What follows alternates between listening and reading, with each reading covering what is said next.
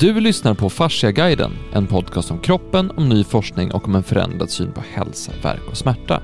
Jag heter Axel Bodin och sitter här idag tillsammans med Camilla Ranjerodin och Hans Bodin. Hej! Hej. Hej, hej. Eh, förra gången vi spelade in ihop så pratade vi om psykisk ohälsa och mycket av det vi pratat om genom åren i Fasciaguiden är ju fysisk ohälsa. Som ryggvärk och whiplash och frozen shoulder och sådana saker.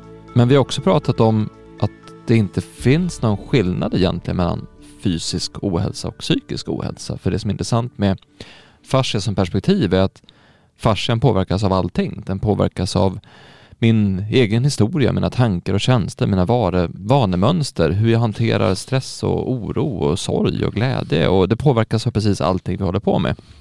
Men när jag håller kurser eller är på öppet hus eller pratar inför folk så brukar jag alltid ta exemplet om stress. För stress är så intressant för det är, sån, det är en sån tydlig brygga mellan det psykiska och det fysiska som visar att det inte finns någon separation mellan det fysiska och det psykiska. Så du kan ju alltså bli stressad av precis vad som helst. Du kan bli stressad av ett minne, av en tanke, av en känsla, av en bilkö, av en, att vara i en viss typ av miljö, av att tänka vissa typer av tankar, av att eh, få en smäll. Du kan bli stressad av väldigt mycket olika saker. Och när du stressar så händer det saker i kroppen så att stressen påverkar din fysiska kropp. Du förbereder dig för att slåss mot en björn, du skickar ut mer blodsocker till musklerna så du har mer energi, du eh, skickar ut hormoner som dämpar smärta, hormoner som skärper till dig, som får dig att bli mer pigg och så vidare. Och när du då ska slåss eller fly, då är det ju väldigt onödigt att processa mat. Det är onödigt att bygga upp nya celler. Det är onödigt att göra den typen av återbyggande funktioner, så att de stänger man av. Och det som är intressant med dagens samhälle, det är att vi har en väldigt hög nivå av stress. Så vi ligger oftast och är oroliga. Så när vi ligger och är oroliga till exempel, vilket ju är en tanke, då påverkar det vår kropp fysiskt. Och eftersom att stress är den här perfekta bryggan mellan som visar att det inte finns psykisk ohälsa eller fysisk ohälsa utan allting sitter ihop så tänkte vi att vi skulle fortsätta på samma tema som förra gången och prata om stress. För du sa till mig Camilla att vi pratar nu om psykisk ohälsa i över en timme men jag hann aldrig berätta det här som jag hade hittat. Nej, och dessutom så kom det ju en, en eh, ny rapport som jag fick i handen förra, förra veckan. Eh, som eh, en osteopat, Bruno Bordoni från Italien, hade gjort. Då på, det handlar ju om kortisolnivåer och det var det jag varit, lite intresserad av. Då, för, för att stressen triggar ju igång höga kortisolnivåer. Och det det är ju fullt normalt. Men just det här att vi ligger på ständigt höga kortisolnivåer har ju sådana fatala konsekvenser för, för kroppen. Alltså det är rent... Det, Alltså man, man, tappar hår. Eh, höga kortisolnivåer bryter ner fascian och muskler och eh, proteiner och, i kroppen. Och man får tunnare hud, man får svårläkta sår. Alltså man får ett försämrat immunförsvar. Vi ökar inflammationerna i kroppen så det blir kroniska inflammationer och, och, vi får depression och ångest och högt blodtryck, ökad hjärtfrekvens, hjärtproblem. Alltså man kan, listan är hur lång som helst på, på negativa konsekvenser av ständigt för höga kortisolnivåer.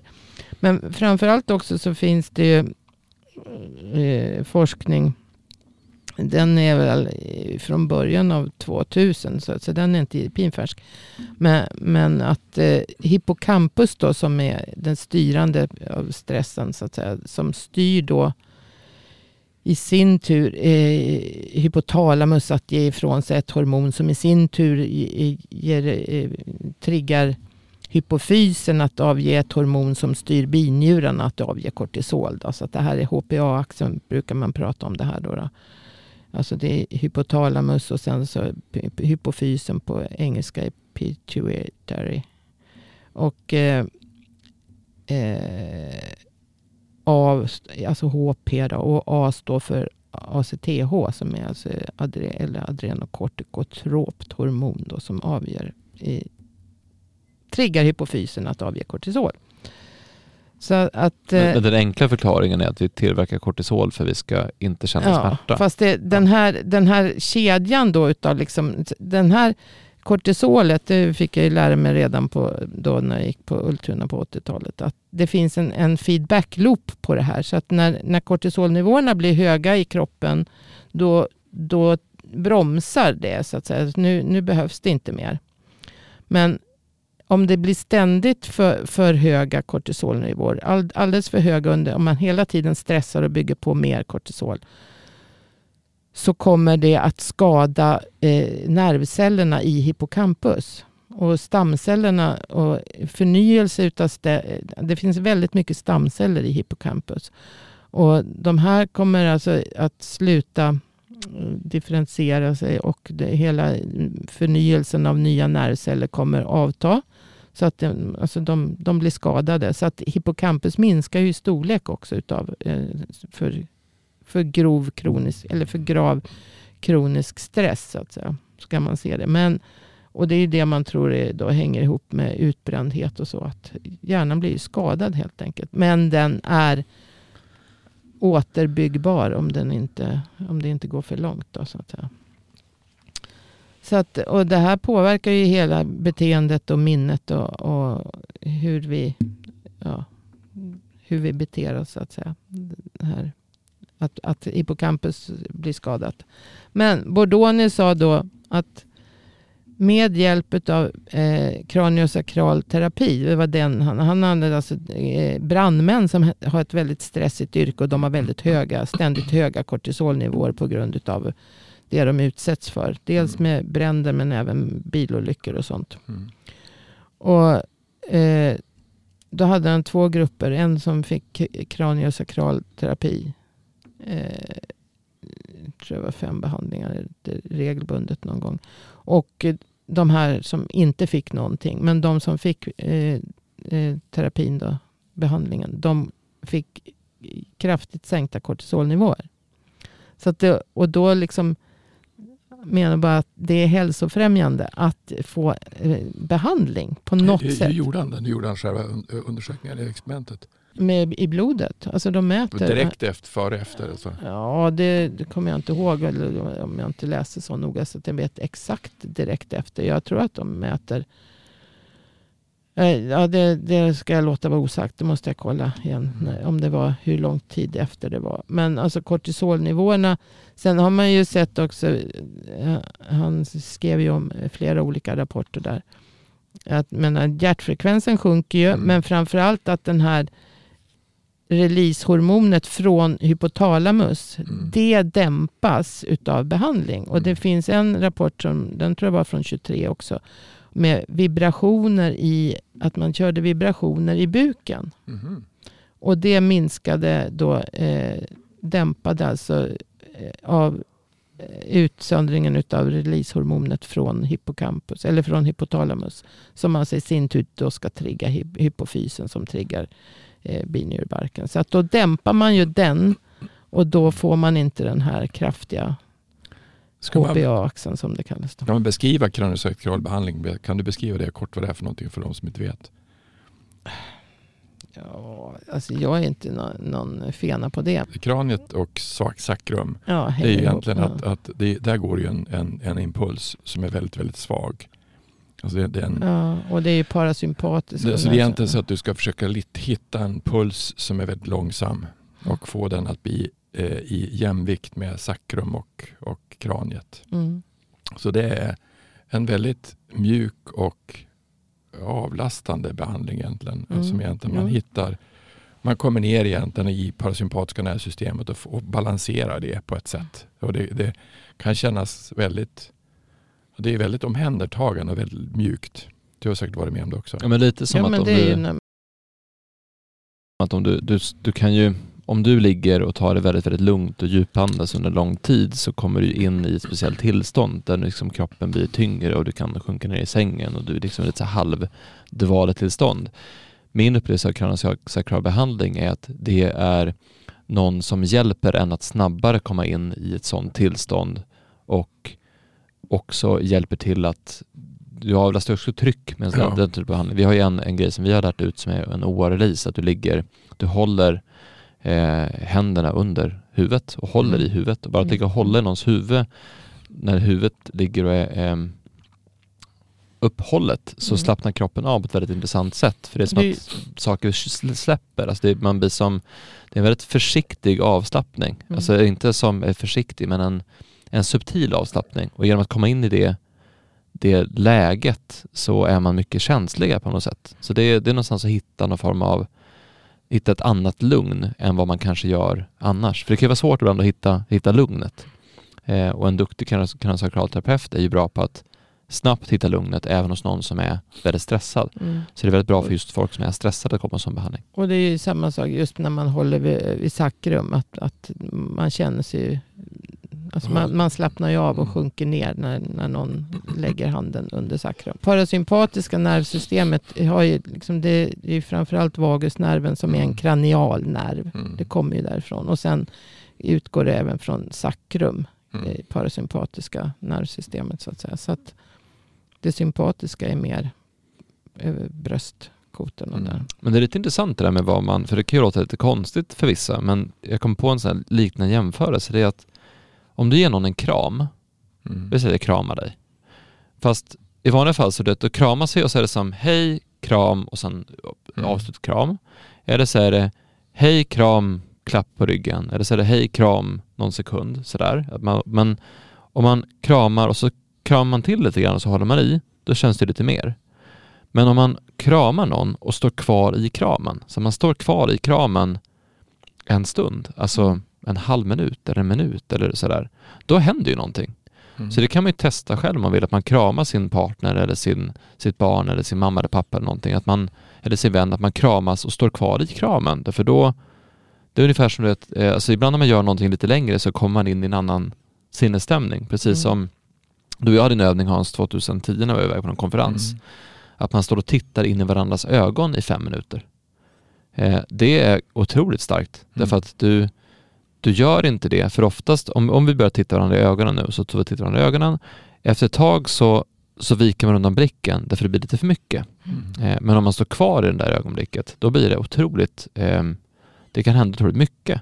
Och det är så intressant att vi någonstans har benämnt det där som typ flummigt eller någonting. Mm. Vilket är konstigt, för egentligen är det så här, vi, om vi bara är i den om vi bara är i det, det ögonblicket så, så händer någonting. Och det, det, det tycker jag är häftigt med, med den typen av behandling, den typen av grej, att man får vara i det ögonblicket fullt ut. Mm. Och det är ju ganska, men det kanske du har sagt om, om vagusnerven, om paras, parasympatiska nervsystemet, om oxytocin som vi pratade om nyligen, ehm, om att, att hitta en lugn stund som vi pratade om förut. Alltså det, det är ett väldigt bra motmedel mot det som vi annars håller på med, som är den här konstanta Mm. Mm. påkopplade stressen. Du, kommer du ihåg vad hon hette, den här kvinnan som, som var savant? Som höll på med djur. Eh, Nej, jag kommer inte ihåg vad hon hette, men jag kommer ihåg berättelsen om henne. Hon hette någonting, det kommer. Men hon hade ju, hon var ju, alla de där som hade i- begåvningar var autister på något sätt. Och hon, hon behövde, för att bli, må bättre, behövde hon kramar. Mm. Så hon hade gjort en krammaskin. så, så, hon, hade, så hon, hade en, hon hade något som tryckte, alltså, ungefär som du beskrev nu. Så att hon, Ja, hon vart. Florence, eh, det kommer säkert. I alla fall så hon kramade sig själv. Och så kom hon på att hon kunde prata med kossar, alltså djur. Och djuren behövde också beröring. Mm. Så att hon hade, när de, när de skulle in i foller, så klämde de åt djuren. Och så sa att hon har väl med och gjort en jättemassa många bondgårdar i, i USA för att de ska, djuren ska må bättre. För att ju bättre djuren mår, ju bättre kött och ju bättre saker levererar Ja, ja, ja. Eh, Vilket är ganska fascinerande. Det som hände egentligen när vi gjorde det där som, som jag tycker var häftigt, det som du beskrev, det var ju att eh, när man tittar in i ögonen på, på någon länge som vi gjorde så ser man hur mycket kärlek som finns i varje människa. Det var det som hände. För när man stannar av, för då blir det ju lugn i kroppen. Då blir man ju totalt närvarande och då ser man saker på ett annat sätt. Eh, det är ju rätt fascinerande och att Mm. man kanske skulle göra det oftare. Det är det egentligen. Barn vill ju att man ska vara närvarande. Mm. Djur vill att man ska vara närvarande. Det är så fascinerande med, jag har aldrig tänkt på det innan men, men jag, så, jag var ju lite stygg med våran katt. Jag skulle få, jag berättade det, Ja, jag skulle få henne vi har, vi har en kattlåda inne. Och så sen så eh, var det Ebba som sa att man säger ifrån lite snällt till katten att nu är det färdigt med kattlådan där. Tänkte det är jättebra när Lotta åkte iväg. Så då sa jag att du är kattskräll. Så nu, nu är det färdig. Nu är det färdig skitet inomhus nu för att gå ut istället. För att hon kommer ju in och skiter. Mm. Hon är knäpp. Ja, det är Hon är- bekväm, hon är bekvämare att gräva Hon i kattlådan. Ja exakt. Och så, hon gör ju det när som helst. Hon kan göra det på natten. Så ligger man där och sover så på kraftsång i tio minuter. Man blir ju tokig precis när man har somnat. I alla fall, då ställer jag ut den där kattlådan eh, och eh, eh, vad tror ni hände med katten? tror du att hon tyckte det var bra? Nej. Nej, inte mycket. Så att hon straffade mig. Hon sket ju ta mig sjutton överallt. Hon har aldrig skitit inomhus någon gång. Nej. Men det var ju bara därför att du ska få veta. Du, du gör man inte mig. Så det, Nej, så, Det är rätt det är rätt fascinerande vad djur gör. Och du kan ju se, det är jättefascinerande hur mycket djur kan spegla oss människor. Vad vi egentligen gör för någonting. Mm. Men vad jag tänkte på med, med den där artikeln då som det stod massor med intressanta andra hänvisningar till forskning som, som är väldigt ny också. Men, för det är liksom, men det är sånt som man, det- alltså det känns ju självklart för oss då, som behandlar och, och så att, att det fungerar. Och sen att, att man inte då med alla dessa eh, sjukskrivningar för stress så att säga och långvarig stress. Och det är ju det här med att hippocampus så att säga bryts ner.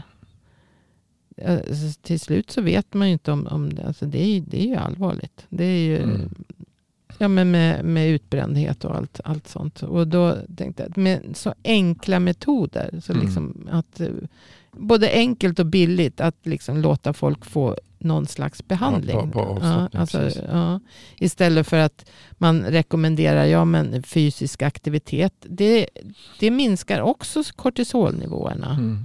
men till en viss grad. Om man tycker att det är roligt. Mm. Men det är ju väldigt individuellt också vad folk tycker så att säga. Vad man uppskattar. Så man måste ha liksom ett individuellt program. Men jag tror att de allra flesta kommer att bli påverkade utav eh, någon slags alltså, behandling. Terapi. Det som var intressant som, eh, som stod där också. De, I den här rapporten så hade de uteslutit en massa. Men man fick inte eh, sådana som hade liksom diagnoser på psykisk ohälsa fick inte vara med. Och, och de som hade fått behandling under den senaste tiden fick inte heller vara med. Därför att all typ av manipulation, spinal manipulation, alltså kiropraktik och så, höjer kortisolnivåerna. Mhm. Och det var också en, en rapport från 23. Mhm. Så det, det, kan, det kan ju vara, vara bra på, kanske på andra sätt. Men att det ger inte den avslappningen. Utan det var mer en stress för kroppen. Alltså. Vi säger att du har en, en, ett påslag som finns utav um, så att du varit med om en enorm stress som finns. Då, och då får du ju då har du på något sätt stängt av länge. Har du stängt av länge så kommer du bli låst i bröstkotorna. Eller hur? Mm. Då blir du låst. Mm. Och vad händer då om du, om du bryter upp det? Alltså manipulerar det? Mm, ja. Då går det egentligen emot Mm. det som egentligen kroppen vill. Alltså kroppen har ju låser sig för att den Mm. var på ett speciellt sätt. Därför är det ju mycket bättre att släppa på det på ett annat sätt. Alltså försöka släppa det så man får igång flödet på ett annat sätt. Och vad är det som har hänt egentligen? Vi hade, vi hade en workshop igår. Och då var det några som var där. En hade eh, sån här post-covid, alltså hade svårt att andas. Mm. Och hela hennes bröstrygg var ju låst, eller mesta utav bröstryggen var låst. Och då försökte vi släppa det genom att släppa på trycket i fötterna. Mm. Alltså trycket i höften. Och sen så släppte vi trycket i via fötterna i bröstryggen. Och sen så fick hon artikulera lungorna. Och sen så grät hon nästan. Mm. För då släppte och fick hon andas igen. Mm. Men mycket det som fanns i det som var, det var ju eh, det var ju rädsla. Mm. Alltså att rädsla inte kunna andas. Det är rätt fascinerande hur mycket saker och ting hänger ihop. Mm. Man hade ju också i den här rapporten då, eh, uteslutit alla kvinnor. Såklart. Det är massa hormoner i Ja, vägen. ja, ja, men det, det, jo, men det var ju det han, han skrev. Att, därför att det finns också en, en eh, relativt ny ra- rapport den var från 20. Som alltså visar att, att eh, kvinnans kortisolnivåer varierar under eh, menstruationscykeln. Och det visste inte jag faktiskt. Men, eh, Jaha. Mm. Den, då är alltså kortisolnivåerna högre i, en tidig follikulär, i den folliculära fasen. Alltså från, för det där började jag grubbla på i, igår. Mm. Att, att den är högre från, eh, alltså folliculära fasen ska då börja på dag ett i mensen. Och sen är det då fram till ägglossning. Är follikel, alltså då bygger folliklarna på. Sen så är det ju ägglossning. Och efter ägglossning kommer den luteala fasen. Och den luteala fasen har alltså lägre kortisolnivåer. Men det är ju under den fasen som man då får PMS. Jo, men om du tänker och det, så här. och det, och då, Vänta tänk, då är kortisolnivåerna låga, så det kanske är därför man får PMS. Ja, precis. Men om du tänker precis. så här Ja. istället, att man tar bort, tar bort allt modernt ur det här. Mm. Så tänker man bara, vad, är, vad, är, vad gör kroppen för någonting? Mm. Mm.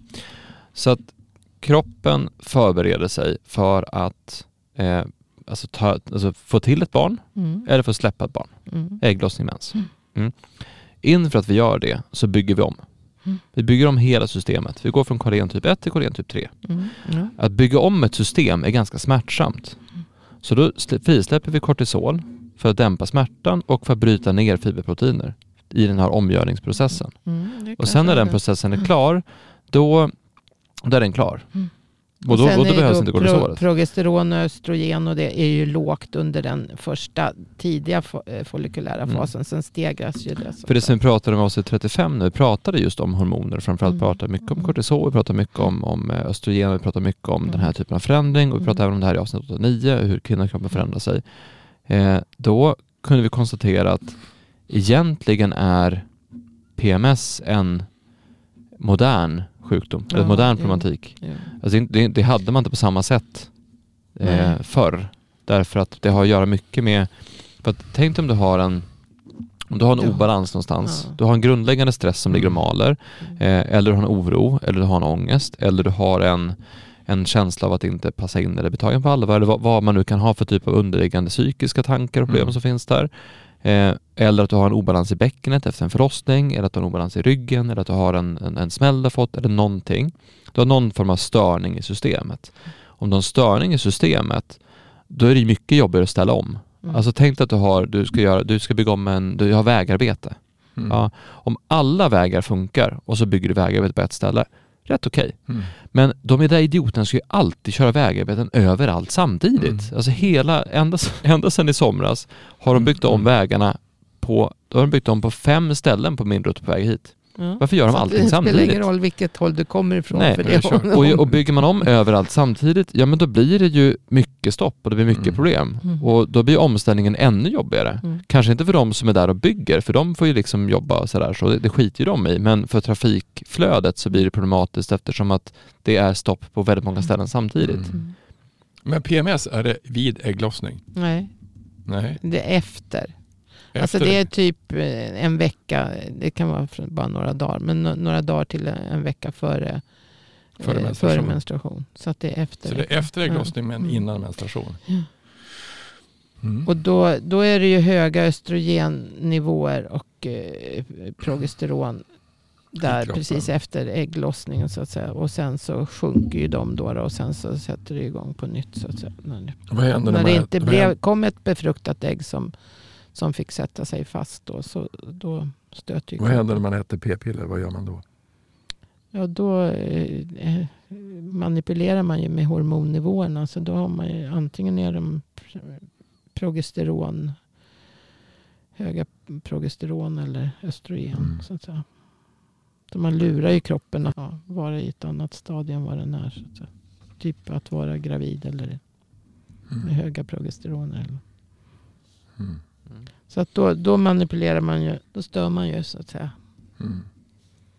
Men det, det intressanta är att är vi har- kortisolet. Men, men, vi har en massa saker som händer i kroppen. Mm. Och du, oavsett om du är man eller kvinna så har du saker som händer i kroppen. Mm. Och de har undersökt det här på, på män därför att få studier görs på kvinnor eftersom kvinnor är så det är, det är så mycket Mm. hormoner i vägen Mm. och stör forskningsresultatet vilket ju är problematiskt ur ett forskningssynpunkt men det är lite underligt ur ett mänskligt Mm. synpunkt att inte ha med den biten. Men, Nej, hade man använt det i det här fallet så hade det ju inte blivit utgångsläget hade ju varit felaktigt så att säga. Mm. Om- Men då PMS, eller alltså, osäkert. men, då. men PMS, det skulle kunna vara, vi har, inte, vi, har, vi har pratat lite om det innan, men det skulle kunna vara, dels har det att göra med vilken, vilken nivå du har utav, utav hormoner som finns i kroppen.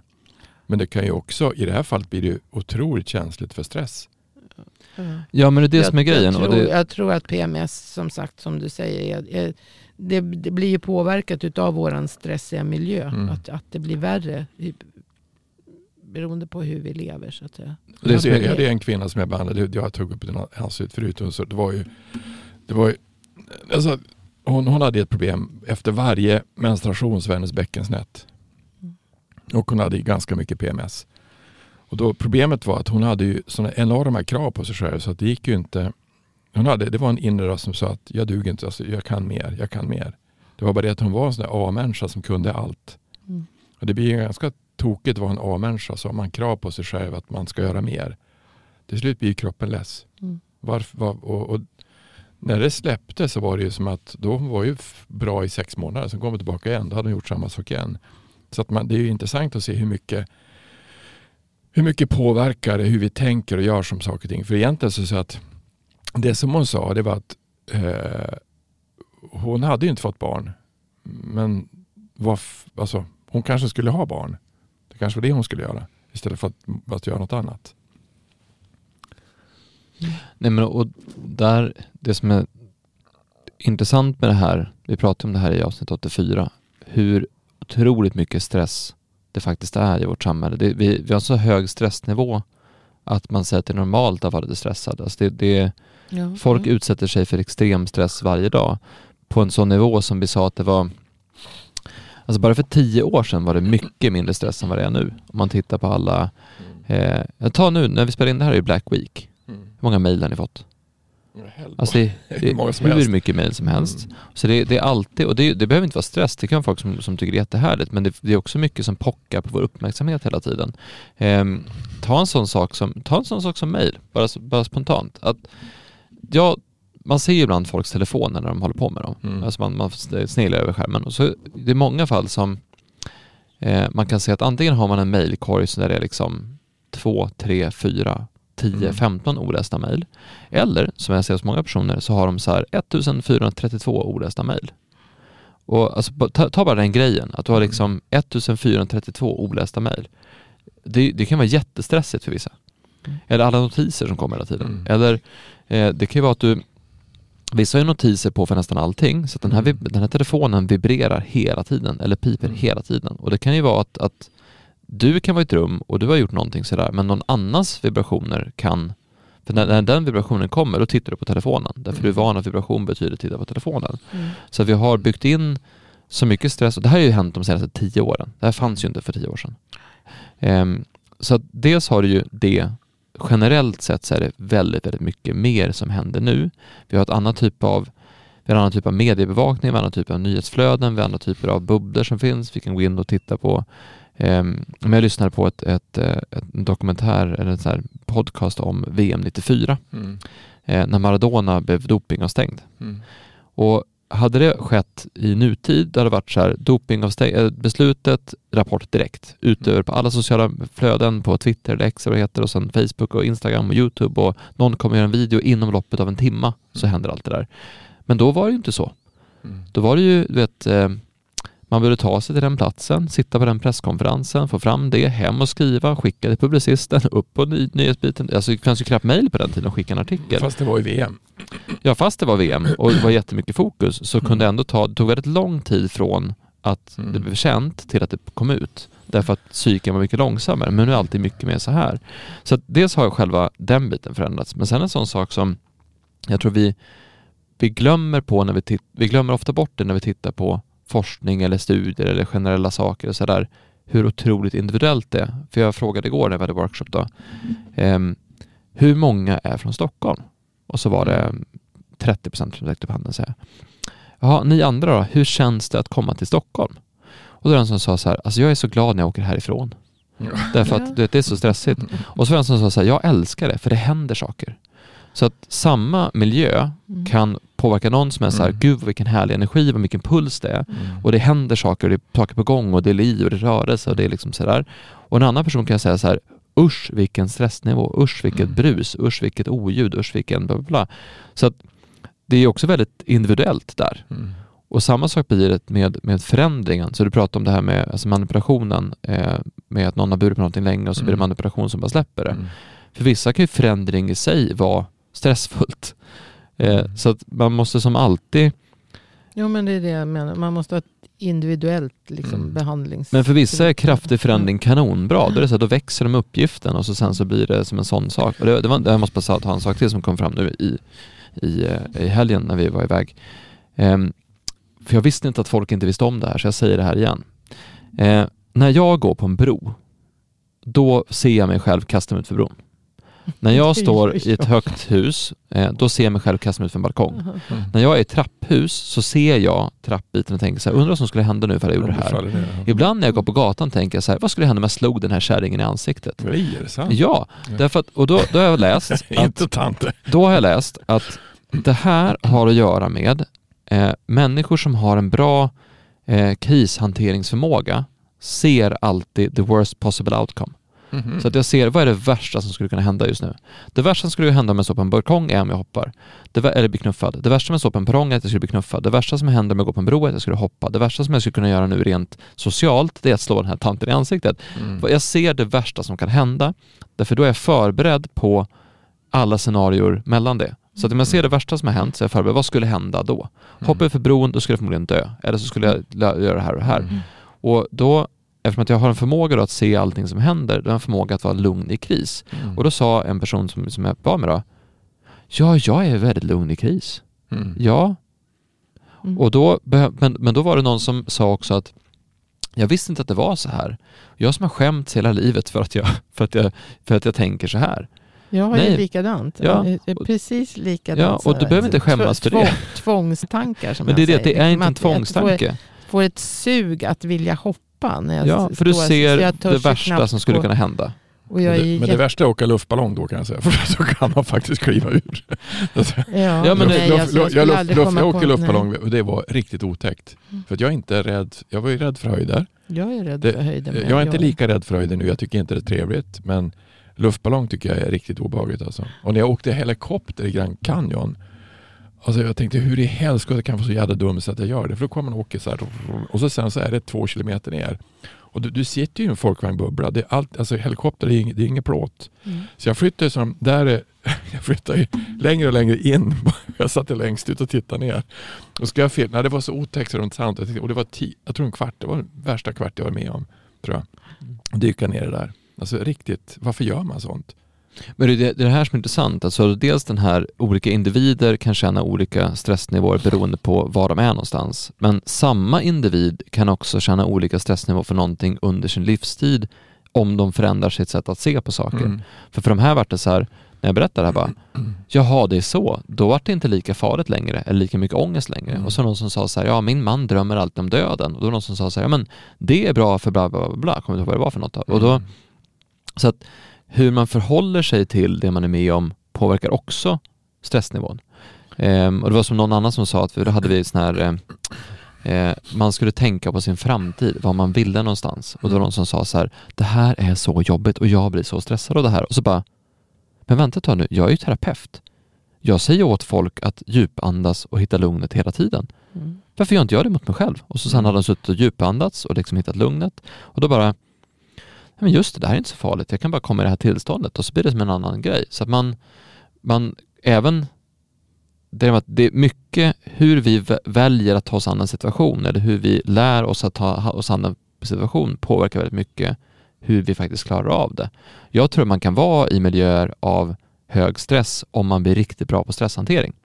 Alltså till exempel djupandning eller någonting. Det som jag tror är intressant med det, det var, det var en kille vi hade igår som sa varför blir man sjuk? Eh, och, det, och det intressanta är att om man är i en miljö som man inte vill vara, alltså som är fel. Man har, man har en idé hur saker ska vara, men, men kroppen vill inte. Och, och då, jag har ju behandlat en del, det är ganska intressant med, om du tar en, en idrott som vad säger man om fotboll? Fotboll är en gentleman's sports play by hooligans. Visst är det så man säger? Ja, precis. Mm. För att fotbollen är, den är ganska schysst egentligen. Fast de som spelar, de, de som spelar är tokiga. de, alltså det, det, det är ju så här kamp. Och så har jag, best, jag har behandlat, behandlat en del eh, rätt bra eh, eh, rugbyspelare. Och då säger man rugby är en sport. Det är en eh, eh Hooligan sport. Hooligan sport played by gentlemen. För det, det, rugby är en sån här överklassport. Så att de, och det är så kul, för jag, jag har tänkt så att jag ibland har jag träffat eh, britter när jag har pluggat och så sen så kommer från fina sådär mm. Ja men vilket fotbollslag är det du då? Nej, jag är inte intresserad av fotboll. Mm. Va? Du är från England och gillar inte fotboll, vad är det här för någonting? Nej, alltså jag följer rugby. Jaha. Och det är, skit, och det är skitstort. Och det är skitstort. Så, så i alla fall, så då, då, då det, det, det, jag behandlade en kille som var 45 år gammal som spelar fortfarande rugby. Men så att det, och hela, alltså det är ju snarare fruktansvärda smällar så det är inte sant. Och sen, men varför gör du det? Men vi har så jävla roligt efteråt. För då går, de, då går de på puben och, och så sen så tar de en pint och pratar om matchen som var. För de är aldrig ovänner. Mm. Men om du tar vissa sporter då som fotboll, ishockey och andra saker. Då är det ju kamp på liv och död. Så att det är så mycket adrenalin och det är så mycket motstånd och så mycket illvilja. Och Det kan ju vara jobbigt att vara i en sån miljö. Alltså, Ivar tyckte ju han, när han spelade fotboll att det var roligt med lagsport för man, man var ett lag och man hejar på varann. Och det kan ju vara roligt i lagsporten som är. Men jag tror inte det är lika, om du tar fotboll, inte lika, man är inte lika våldsam som man är i hockey. Till exempel, eller hur?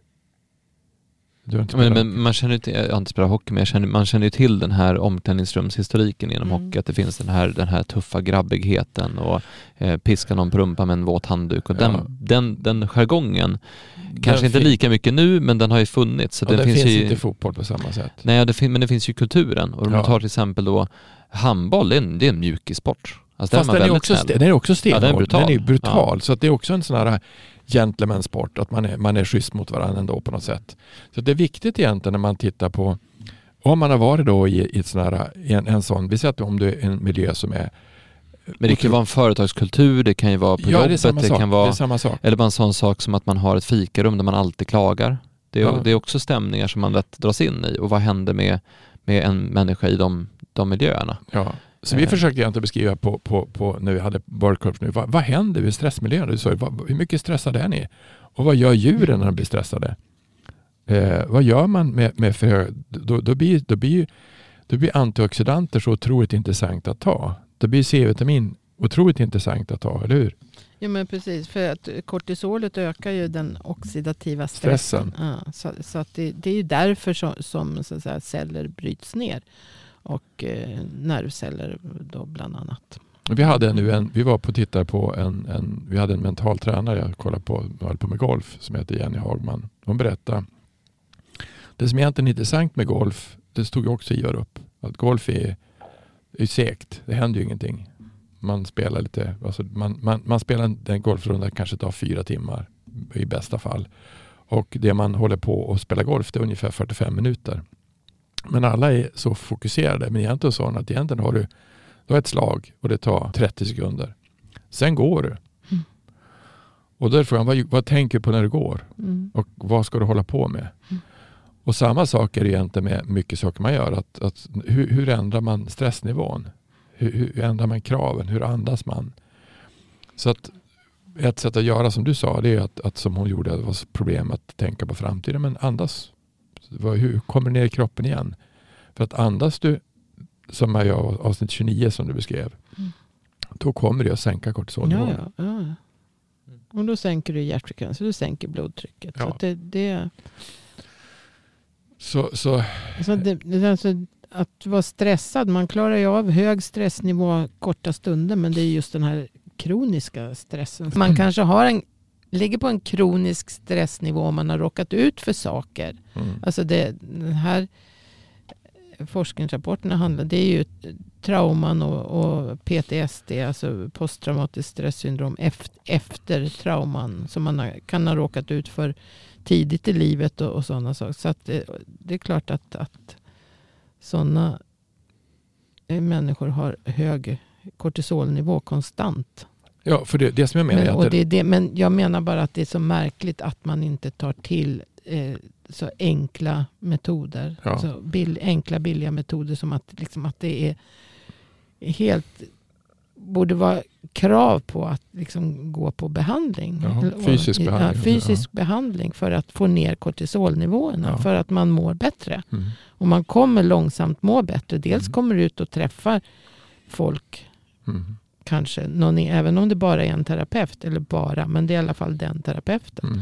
Du får någon att kanske prata några ord med. Du, Ja men som vi har sagt mycket också att alltså, i- för många kunder till, vi, vi jobbar ju mycket tillsammans med fasciakliniker och det är många kliniker runt över landet, det är många som går på behandling. För väldigt många av de personerna som kommer på behandling så är det här den gången de blir berörda Mm. och sedda Mm, och det är en tid bara för dem. Mm. Och värdet på, för, för ibland så tänker man så här, ja men jag har inte ont så, men vad händer om du går för att få den lugna stunden, för att få någonting skönt, för att få slappna av, för att få... Eh, jag har börjat gå på behandling en gång i månaden, sedan ganska lång tid tillbaka. Och jag märker en, en enorm skillnad på min stress, ehm, oro, ångest, men även den här bara att man känner sig lite mer på topp, har lite mer energi.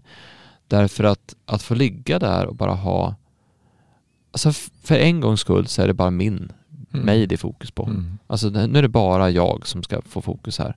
Och i början så får jag prata om det lite grann och sen så nästan somnar jag. Så ligger jag och bara har det, har det bra i en, en timma Mm. liksom. Och um, jag tror att vi, vi, vi är lite dåliga på, jag brukar säga det att vi har fastnat i, ett, i en idé om att, att frisk är samma sak som att man inte är sjuk.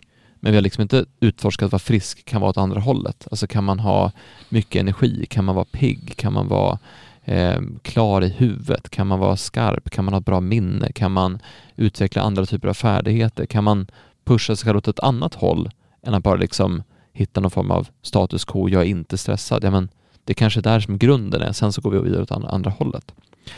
Eh, jag tänkte på någonting som, som du sa Hans igår som var ganska intressant. Eh, för jag tror att en utmaning för många, eh, och för mig själv också för den delen, är att man, man fastnar i vissa tankelopar.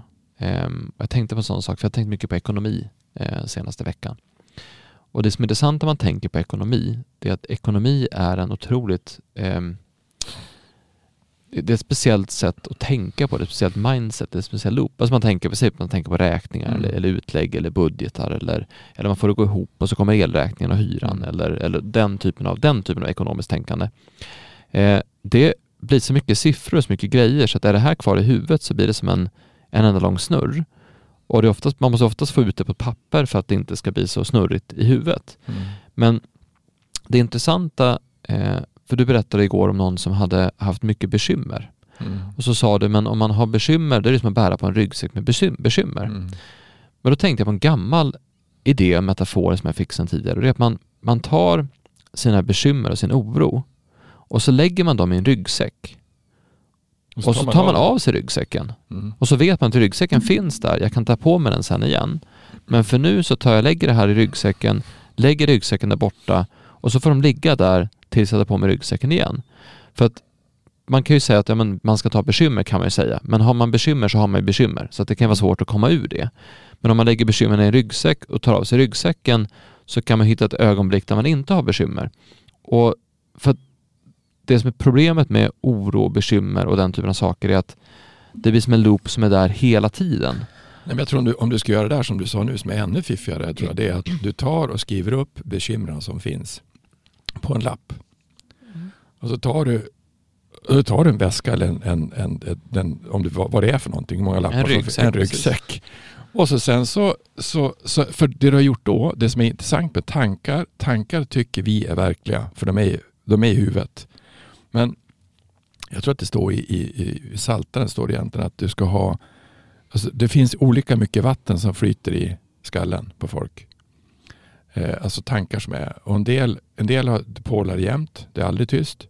Och en del kommer långsamt. Det gäller bara att, att, att tankarna, man är, man är aldrig slav under tankarna utan man, är kär, man, man frågar hjärnan vad det är för man, man låter bara vara. Precis på samma sätt. Så det är när man, när man vill någonting då frågar man hjärnan och då får man svar på det. Men det, du kan ju tänka på allt möjligt. Det kan ju, det, det är en del, det kan ju tänka jämt. Det som är intressant när man, när man skriver ner en tanke på ett papper, då är, då är, den, inte, då är den inte gasformig utan då är den fysisk. Så att egentligen tankar är gasformiga, verkliga fast de är inte verkliga. Så när man skriver ner dem så blir de annorlunda. Och Det är ju rätt intressant att göra. Eh, och, och då, då kan man ju parkera dem. Då kanske det är intressant att se varför är de så där. Det som jag berättade om den här kvinnan som hade bekymmer. Det var ju bekymmer överallt. Alltså det, det fanns bara bekymmer. Och det var så långt så att hon hade, alltså det var ju, hon hade till och med blivit sjuk, fått sjukdom som var bekymmersamt. Men släpper man det så blir det mycket enklare. Så att allting påverkar, vad säger Per? Kroppen är där vi allt äger rum. Kroppen är där vi äger rum. Där vi äger rum. Och det är ju och så brukar man säga att allt är fysiskt men allt är inte materiellt. Det är tankar. Allt är fysiskt men allt är inte materiellt. Så tankar är inte materiella. Så när du skriver en tanke på ett papper så materialiserar du en, en fysisk yes. tanke till en annan form. Som du säger, man byter ja. form på den från någonting som är kanske inte gasigt men mer luft eller energi eller elektricitet till att det finns på ett papper. Och då blir det, men det, det, det som är intressant som övning och det, det här uppmanar jag någon som är, om någon lyssnar på det här är bekymrad och har mycket stress över bekymmer att Eh, skriv ner det på ett papper, som Hans sa, mm. lägg det i en ryggsäck. Sen tar ni upp ryggsäcken sen och tar hand om det. Då bestämmer vi att jag ska ta hand om de här bekymren på eh, måndag klockan 18 säger vi. Alltså man, man, kan till och med göra så om man vill, men att man fram tills dess så har man inga bekymmer. Och det här kräver lite fantasi. Det som är häftigt med det, det är att alla de här typerna av små saker man kan göra, ju mer man gör dem, desto bättre blir man mm. på dem. Eh, för jag har eh, det har hänt väldigt mycket i mitt liv de senaste tre åren. Alltså det har hänt väldigt mycket i termer av ökat ansvar, ökade, jag har blivit pappa, jag har blivit VD, jag har liksom, jag har satt igång massa saker. Det är fler och fler anställda nu som, som eh, eh, litar på att jag vet vad jag håller på med, typ, så kan man säga. Så, så det, det, är mycket, det har hänt mycket. Om jag låter oron eller ångesten eller de bitarna fastna i mig, då är jag körd. Jag måste hitta ett sätt att, att släppa på oro om jag ska kunna sova. Mm. Så att, och då, då har jag det bästa botemedlet för mig, det är min dotter. För det är så här, jag kan inte tänka på, på sådana saker när hon är vild och full fart och, och sådär. För det, det, blir som jättekonstigt. Men är det, är det en promenad, det kan också vara bra för att få ut på det. Eller att man bestämmer att nej, nu får det gå som det går. Mm. Det så? Eller att man säger, nu tar vi det här imorgon. Därför man får inte, ligger det och snurrar så att man inte kan sova eller ligger och snurrar så att man hela tiden höjer kortisolnivåerna eller ligger och snurrar så att man har den här stressen, då, då bryter det ner så mycket i kroppen att det, det blir farligt. Så att, och det, det är det här som jag fascineras hela tiden över att vi inte får lära oss vissa saker. Jag sa det igår, vi får inte lära oss någonting om immunförsvaret, hur det funkar. Mm. Vi får inte lära oss hur lymfsystemet funkar. Och det här borde vara saker som är grundkurser i lågstadiet. Alltså vi borde lära oss det här tidigt. Eh, vi får inte lära oss hur vi ska hantera stress. Det är men konstigt det du... att vi lever i ett samhälle med så mycket stress och så lär vi oss inte hur vi ska hantera det. Men det du egentligen säger... Men det vet alltså, ju det, inte vården heller. Det du egentligen säger nu, det är Camilla, det är att långvarig stress kommer bli sjukdomar i huvudet. Ja, det, ja inte bara i huvudet. Det blir, hela, kroppen. hela kroppen tar ju... Alltså fascian bryts ju ner, om ni nu ska prata fascia. Mm. Men, men hela kroppen bryts ju ner av höga kortisolnivåer. Men frågan är alltså, vad vad gör du åt om du inte kan klara av att ändra på saker själv? Du kanske, det finns ju massor med exempel på folk. Alltså har man ingen kontroll över så man kan åtgärda det. Men mm. alltså det kan ju hända massor med saker. Det har ju hänt saker i mitt liv också. Som, som jag, jag har ingen kontroll på det. Nej. jag kan inte åtgärda det mer än att bara acceptera mm. faktum att mm. så här är det. Mm. Och så får man försöka på något sätt göra det bästa av det som var i alla fall. Eh, mm. Utav situationen. Då. Men, men, och jag, jag, mm. måste, jag kan bara säga att naturen och djuren, det är de som hjälper en. Mm. Mm, precis. Och sen om man har barn som också så, så man liksom, har man någonting så att säga. Men det finns ju de som varken har barn eller djur eller natur. Fast natur finns ju faktiskt. att det, men det är väl inte alla som, som um, uppskattar Men- naturen. Men jag sa det. Jag sa Men det den har en lugnande effekt. ja. Om man bara lär sig att se.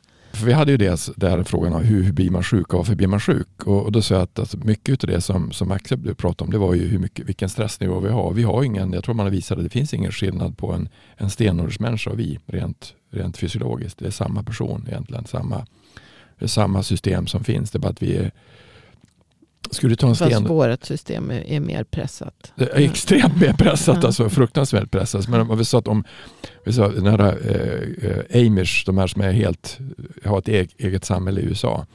Då skulle man fråga, vad, vad, vad, vad tycker de om covid-19 eller vad tyckte de om pandemin? De skulle bara säga, vad då för pandemi? De har inte sett på tv, de har inte sett på någonting.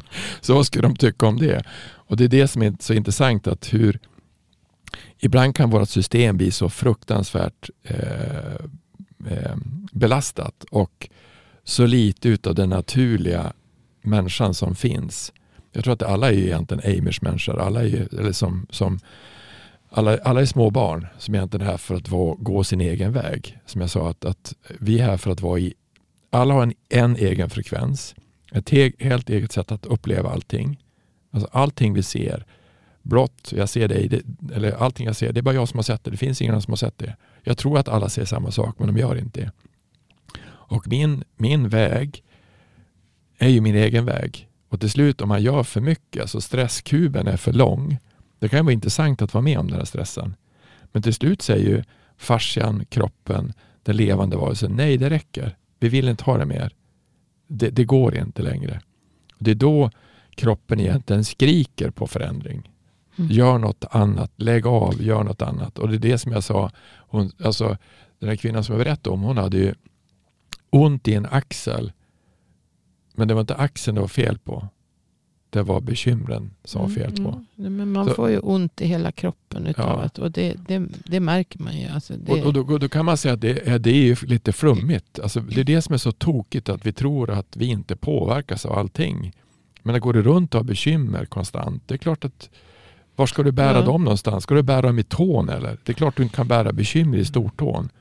Utan det måste ju bäras någonstans. Men Ja, kommer vi tillbaka all, till all grund- trauma vi utsätts för, det, det, det Ja. sätter sig i kroppen. Ja. Och det, ja. Och där kommer vi tillbaka till grundproblematiken som vi var på så mycket. Att vi tror att vi har en kropp, inte att vi är kroppen. Ja. Vi, vi ser kroppen som ett objekt, vi ser kroppen som någonting yttre, samtidigt som det är någonting inre.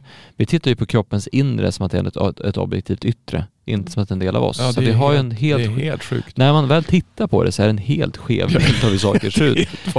Men, men Ja. det var ju kul för vi, vi har ju, när vi har workshops så repeterar vi alltid de här principerna Mm. från fascian och levande kroppen. Och jag tycker de är så de är så banalt självklara så att man blir nästan lite, man, man, det är nästan så här konstigt att säga men det är samtidigt så bra att man får sätta de här grunderna först. Och då säger vi att Mm. alltså, det liv du lever har en direkt påverkan på din struktur och ditt flöde. Mm.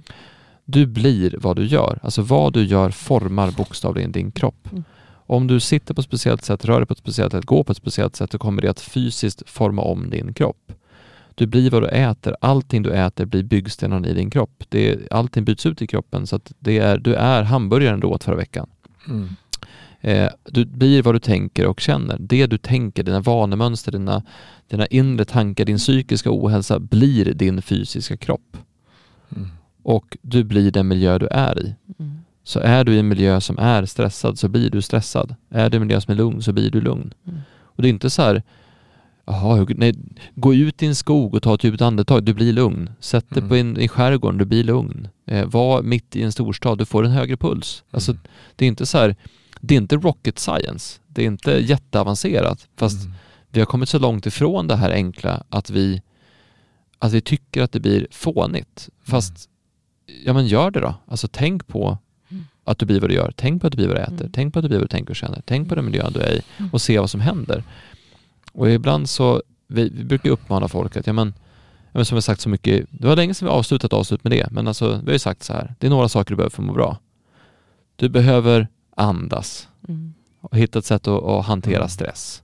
Du behöver undvika stress i så stor mån det går. Ja, du behöver sova bra, viktigt. Du Det behöver kan du äta inte om du har höga kortisolnivåer. Kan du inte sova. och du behöver äta bra mat. Vad är bra mat? Ja, det får ju du testa vad som är bra mat för Mm. dig, men förmodligen är det rena råvaror. Det är inte massa konstiga grejer så. Mm. Eh, du behöver ha en bra balans och hållning. Du behöver lära dig lyssna på kroppen. Mm. Du behöver röra dig. För om du rör dig så frigör också massa saker i kroppen och du behöver det. Alltså det är inte svårare än så. Mm. Men det som är så fascinerande, så vi bor ju vi bor ju i Sverige. Och det som jag, vi var ju, åkte iväg, var ju iväg till Leksand nu och så var vi till Skövde. Vi var, det- alltså vi var till en massa olika ställen. Det, är ju så, det, det bor inget folk här. Det, var den än far någonstans, det är ju tomt. Du kan, ju, du kan gå och ställa dig var 17 som helst och det finns ingen där. Det är det som är så fascinerande. Vi tror att det är så stressigt och allting som är. Men man, till och med här, du kan ju åka ut till Järvafälten. Du- Testa åka till Bangladesh skulle du säga. Eller till Tokyo. Ja, men jag har sett honom åka, åka tåg i Indien. Och så där. Där, var, ska du, var ska du vara i fred där någonstans? Det går ju inte. Så att jag tror att egentligen är det ganska lätt för de flesta att, att hitta någonstans där det är frid och ro. Mm. Eller hur? Ja. Det är inte så Och fördärvat svårt. Att, att lära sig, bara se naturen. För att naturen, vi pratat om det förr med elektroner och alltihopa. Men, men Eller det, det, har, biofotonfält. ja, Ja. det har en lugnande Ja, effekt jag på Så att man får i alla fall lite avslappning. Och sen kanske man kan lära sig att uppskatta. Och man naturen, behöver, och man behöver, jag- man jag- behöver ju jag- inte springa genom naturen. Man kan ju Nej. gå genom naturen. Ja. Man behöver, inte- Ja, man eh, går för att se. Ja. Titta, på, titta på ett löv, titta på ett träd. ja. I Alltså, Stor-Tokyo bor det 35 miljoner människor. Alltså, Ja, nej. så hemskt.